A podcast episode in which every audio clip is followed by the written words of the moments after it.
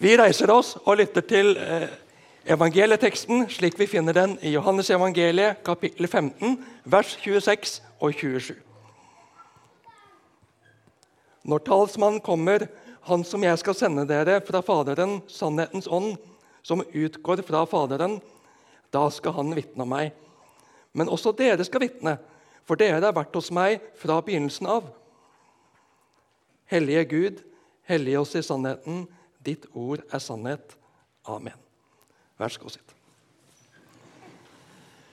På torsdag da feiret vi Kristi himmelfartsdag.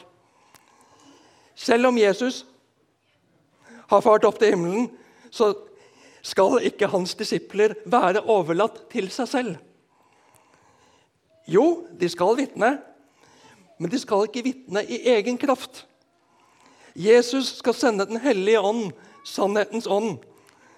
Bare han kan overbevise folk til tro og nytt liv. Denne samme ånd er i alle Jesu disipler, også i 2023. Det er ganske stort. Men hvordan ser det ut? Hvordan bærer du preg av at du har Den hellige ånd? Vi hørte i dåpen innledningsvis at Daniel har fått Den hellige ånd. Hvilken praktisk betydning har det for ham? Vi kan iblant snakke om å bli fylt av Den hellige ånd. Det kan gi oss litt misforståtte bilder. Da kan det høres ut som at vi kan få mer eller ha mindre av Den hellige ånd. Men Den hellige ånd er en person. Ikke fysisk som deg og meg, men like fullt en person i den treenige Gud. Og vi kan ikke ha en halv person eller tre kvart person.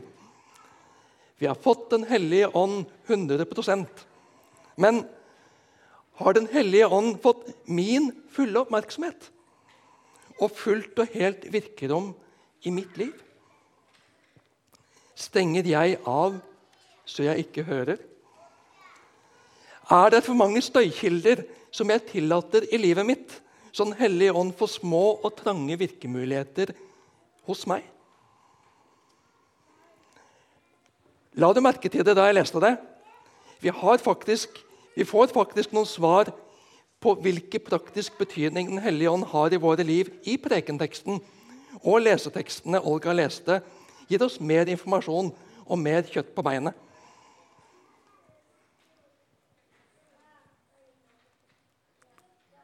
Har vi forbindelse her, da? tro? Der, ja. Når talsmannen kommer, han som jeg skal sende dere fra Faderen, sannhetens ånd, som utgår fra Faderen, da skal han vitne om meg. Verken du eller jeg eller Daniel kan ta oss til tro på Jesus på egen hånd. Troen er en gave som blir gitt oss. Det er Den hellige ånd som virker tro på Jesus i våre hjerter. Jeg kjenner ei som forteller at hun har lest hele Bibelen fra begynnelse til slutt, men det var ikke noe for henne. Hun tror ikke noe på det. Kanskje har du hørt historien om karen som nærmest ble prakka på et Nytestamentet. Han var egentlig ikke interessert, men papiret i Nytestamentet det var tynt og fint og egnet seg godt som sigarettpapir. Og Det ble en avtale mellom denne røykeren og evangelisten om at jo, han kunne få bruke arkene i Det nye testamentet til sigarettpapir. Det var greit, på én betingelse at han leste det som sto der først. Og slik ble det. Han behøvde ikke å kjøpe sigarettpapir på en stund. Det er i hvert fall helt sikkert. Men da han kom ut i Johannes-evangeliet, før det gikk opp i røyk, bokstavelig talt, så gjorde det noe med ham. Og han tok imot Jesus og ble en kristen. Ordet hadde virket og vekket tro i ham. Den hellige ånd fikk vise ham Jesus slik at det ble til tro. Daniel har fått Den hellige ånd. Den hellige ånd vil vise Daniel hvem Jesus er, og hva Jesus har gjort for ham. Den hellige ånd taler sjelden med stemme til mennesker, slik at vi hører det fysisk med ørene, men han bruker Guds ord og mennesker som deler dette.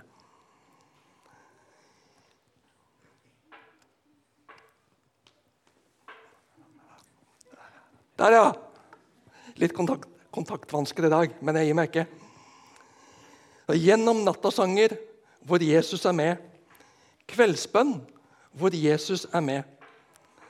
Jeg har ikke hørt om noen som synger bordvers før de ammer, men når en setter seg rundt bordet og skal spise sammen, at Jesus får være med gjennom bordbønn, gjennom bordvers. At vi takker ham som dypest sett har gitt oss maten og, mulighet, og gitt oss muligheten til å spise. Velsigne barna på vei ut dørene, på vei til barnehage eller skole. Lytte til hva barna har opplevd når de kommer hjem, og deler gleder og sorger, mestringer og utfordringer med Jesus i bønn der og da, eller på kvelden før en slukker lyset. At Jesus får plass i hverdagen vår. I det vi gleder oss over, og det som er vanskelig, og som vi gruer for. At Den hellige ånd får virkerom i livene våre. At ikke støykildene får ta overhånd. At ikke annen ideologi får overstyre vår tro. At ikke sekularisme og praktisk ateisme får ta råderetten over min tenkning og mitt blikk på hverdagen, men at jeg ser livet, hverdagen, tilværelsen i det perspektiv min Herre og Skaper, Frelser og Gud vil jeg skal se det. La Han få gjenerobre vårt virkelighetsbilde. Sekularismen som omgir oss, og som vi puster inn hver dag i storsamfunnet, den preger oss i Norge og Vesten, om vi tenker over det eller ikke. La oss gi Den hellige ånd rom i våre liv, i våre samtaler, vår tanke, så vi ser den åndelige virkeligheten, som er like virkelig som den fysiske. Vi lærer ikke om det på skolen, men vi lærer om det her i menigheten og i Guds ord. Derfor trenger vi å leve tett på Guds ord. Gi det rikelig rom i våre liv, slik at Gud og hans tenkning får prege vår tanke. MUF, Misjonshuset Ung Fellesskap, som har møter her lørdagskveldene, de er forbilledlige. Etter talen så har de tre spørsmål til samtale. To og to, tre og tre, fire og fire. alt etter som altså passer. Nettopp for å øve seg på å sette ord på troen. Snakke sammen om livet i Jesus. Få opp bevisstheten og språket for det. Og jeg har en utfordring til dere i dag. Tre spørsmål til samtale over kirkekaffen. Du skal få se dem nå. Og så ber jeg billedtekniker Jonny om å sette dem opp på veggen når gudstjenesten avsluttes. Så har du en utfordring til samtalen over kirkekaffen. Øve oss til å la Jesus og livet med han prege samtalen vår.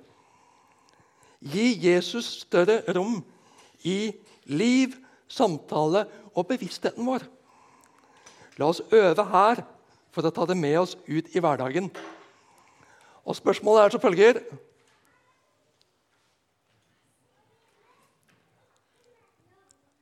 Der kom det slutt. Hva har Den hellige ånd vist deg av Jesus i det siste? Hva har Den hellige ånd vist deg i ditt liv i det siste?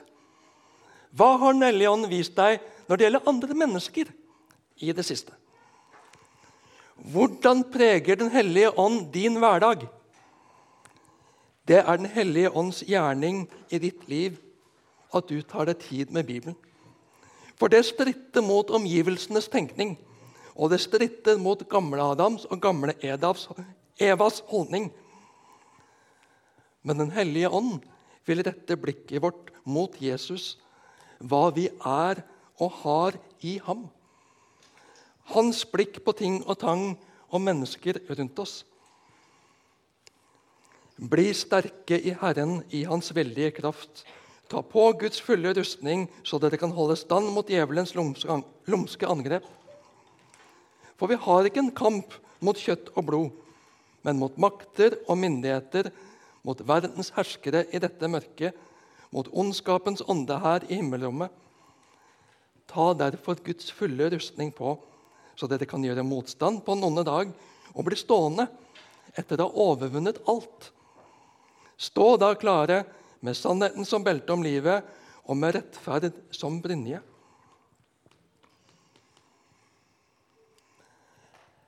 En eldre fetter satte meg på sporet Jeg sliter med forbindelse i dag, Janni. Takk. En eldre fetter han satte meg på sporet og gjorde meg interessert. Den første musikken jeg kjøpte, det var albumet til Peter da. 'This Means War'. Knalltøff musikk. Stilig at kristne kan spille sånn musikk. Med frimodig kristent budskap. Og det er ikke fritt for at det var litt forbildefaktor i en av karene der. 80-90-tallet hadde med seg både sunt og usunt fokus på åndelig krigføring. Som kristne så skal vi ikke være opptatt av å kjempe mot djevelen, men være klar over at det er en åndskamp i oss og rundt oss. Men at vi skal få stå på den sterkeste side. Satan og hans ånde her gir seg ikke uten kamp, men Jesus har seiret over ham. Jesus har seiret over dem. Derfor forsaker vi djevelen og alle hans gjerninger og alt hans vesen. Men vi skal få tro på, stole på, leve med og i den tredje Gud. Gud Fader, Guds Sønn og Den hellige ånd. Den åndelige kampen er høyst reell. Rundt deg, rundt meg og rundt våre medmennesker. Men vi har fått Den hellige ånd som bor i oss. Og Den hellige ånds ypperste oppgave er å vitne om Jesus. Vise oss Jesus. Forklare oss hvem Jesus er, og hva han har gjort for oss. Og hva det betyr for oss i dag og for vår framtid. Den hellige ånd er ikke en selvligger som selv står i sentrum. Den hellige ånd er en gentleman som slipper Jesus fram. Lar Jesus skinne og bli tydelig og stor for oss. Men du skal få vite at du som tror på Jesus, du har Den hellige ånd i ditt hjerte. Hvis ikke så ville du ikke kunne tro. Uten Den hellige ånd så ville du ikke være interessert i å tro på Jesus. Den hellige ånd har født troen i deg, og det skal du få takke for. Og at Den hellige ånd bor i ditt hjerte, betyr at du har Gud med deg hvor du går. Han slipper deg ikke og forlater deg ikke. Du kan si farvel til ham. Da vil han akseptere at du går. Han tvinger deg ikke til liv i seg. Kjærligheten kan ikke tvinge noen til seg. Men Den hellige ånd vil aldri forlate deg om du vil bli i ham. Han vil nære deg. Han vil fortsette å vise deg Jesus. Vise deg deg selv, hva du betyr for Gud, hva han har skapt deg til å være, og vise deg hva han er for deg, har gjort og gjør for deg. Bruk tid til å lytte etter Den hellige ånds stemme. Han vil ha en nær og fortrolig relasjon til deg. Han vil være din næreste og beste venn. Jeg skal ærlig innrømme at jeg syns det er vanskelig dette med å lytte til Guds stemme. Lytte til Den hellige ånds stemme. Og I de perioder av livet hvor jeg er mest oppsatt på å lytte til Åndens ledelse, da har det etter hvert tatt meg å bli ganske forvirra og sliten og motløs. For jeg hørte så mange rare stemmer. Eller skal vi kalle det Jeg fikk så mange rare tanker og innskytelser. Noen prøvde jeg å gå på. Andre ble for vanskelig for meg. Det kan hende at det var jeg som ikke var modig nok. At jeg ikke våget å gå i tilstrekkelig grad på innskytelsene. Men det vet jeg at Gud gir ikke motløshet sånn. Jeg for min del ble lett rammet av motløshet i møte med alle innskytelsene som jeg ikke hadde tro for å gå på. Men jeg har ikke sluttet å be om å bli ledet av Gud. Og jeg har ikke sluttet å bare være stille innenfor Gud. Og så synes jeg det er befriende herlig når jeg oppdager Guds ledelse i bakspeilet. Det jeg gjorde der, det hadde jeg ikke kommet på av meg sjøl. Det der var ikke akkurat typisk meg, men det var fint. Det var godt. Jeg tror jeg må ha blitt ledet av Den hellige ånd i det. Ære til Gud, og takk for at jeg fikk være med på det. Jesus gir Den hellige ånd to andre navn i den korte prekenteksten vår. Talsmannen og Sannhetens ånd. Og Disse sier oss noe om Den hellige ånds vesen. Den hellige ånd er en talsmann. I Dagsrevyen kan vi se kommunikasjonsrådgivere og pressetalsmenn og -kvinner som taler på vegne av firmaer og ulike instanser. De taler på vegne av en større gruppe, så de andre kan få gjøre jobben sin, det de er gode på. Advokater taler på vegne av sine klienter. De kjenner jussen og prosedyrene, og de forsvarer og taler sin klients sak. Den hellige ånd er både Jesu talsmann innenfor menneskeheten. Den hellige ånd forklarer og viser oss hvem Jesus er, hvorfor han kom, og hva han har gjort for oss, så vi kan tro på, stole på og følge Jesus. Og Den hellige ånd er vår talsmann innenfor Gud, vår far. Kanskje føler du deg litt liten og usikker i møte med dommens dag. Men du kan vite at du som tror på Jesus, når ditt liv skal presenteres på dommens dag, da skal du frikjennes. Hans, hennes synder er sonet av Jesus. Han er vasket, hun er vasket ren i Jesu blod. Vi har fått barnekårets ånd som roper 'Abba, far', som vi leser i Romerne 8,15. Gud er ikke en streng, fjern skikkelse. Han er pappa. Han er pappaen min. Han er pappaen din. Pappaen til deg og meg som har tatt imot Jesus og lever i hans tilgivelse, som Den hellige ånd har vist oss og åpenbart for oss og gitt oss trøst og trygghet i. Og Den hellige ånd er sannhetens ånd. Den hellige ånd feier aldri ting under teppet. Den hellige ånd sier aldri er ikke så nøye'. Bare ta deg visse friheter. Vi ser mellom fingrene med det. Nei. Vi kan være trygge på Den hellige ånd, for han står fast. Han står på det som er rett, uavhengig av press, markedskrefter og folkeopinionen. Han er rettferdig. Han er sann. Det betyr at Den hellige ånd utfordrer oss og gir oss ingen ro når vi beveger oss utover det som er sant, rett og godt. Han gir oss dårlig samvittighet og ubehag, ikke for å plage oss, men for å hente oss inn igjen til det som er rett, sant og godt. Når vi er morsomme på andres bekostning, når vi tøyer strikken i forhold til det som er lov, når vi tar oss til rette på en slik måte at det går ut over andres rettigheter, da gir ikke Den hellige ånd oss fred. For vi beveger oss bort fra sannheten. Da vil Den hellige ånd kalle oss til erkjennelse, bekjennelse og omvendelse. Både for den andres vel og for mitt vel, min frelse. At jeg ikke skal gå meg vill og gå fortapt. så er ikke vår samvittighet den fullkomne målestokk.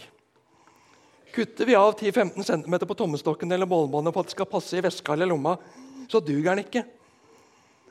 Å hevde at en har en ren samvittighet, behøver ikke bety at en lever rett og sant. For en kan ha slipt og kompromittert med samvittigheten så lenge at den ikke er noe rettesnor for rett og galt. Den er defekt. Den er ødelagt. Gud kan helbrede den også, men da må vi slippe han til i det. Vi må kalibrere samvittigheten med Guds ord. Den hellige ånd vil hjelpe oss med det, så sant vi slipper ham til. Vi har så lett for å sammenligne oss og vårt med andre og andres. Vi hørte Olga lese fra profeten Haggai. Sammenligningens ånd, og da mener jeg sammenligningens mentalitet, den er nådeløs. Haggai sammenlignet det nye tempelet de bygde opp igjen etter eksilet i Babylon, med det gamle tempelet fra Salomos storhetstid. Sammenligning, sammenligning er nådeløs, og den kan skape mye mismot og nedstemthet, oppgitthet og resignasjon. Eller på den andre side, og enda verre, kan sammenligning skape hovmod og selvgodhet, og at en ser ned på andre.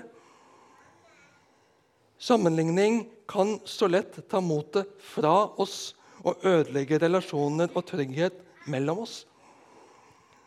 Jo, de skal arbeide, appellerer profeten Haggai. De motiveres til innsats, men det avgjørende er For jeg er med dere, sier Herren over herskarene. Dette løftet ga jeg dere da dere dro ut av Egypt. Min ånd er blant dere. Vær ikke redde. Vi skal ikke tvile på eller, Vi skal ikke hvile på eller stole på hus, bygg, egne ferdigheter eller arbeid, men på Guds løfte, på Guds ånd. Gud er nær. Han skal gjøre det. Vær ikke redde. Vi driver ikke menighet. Vi får være med og bidra og bruke våre gaver i Guds menighet.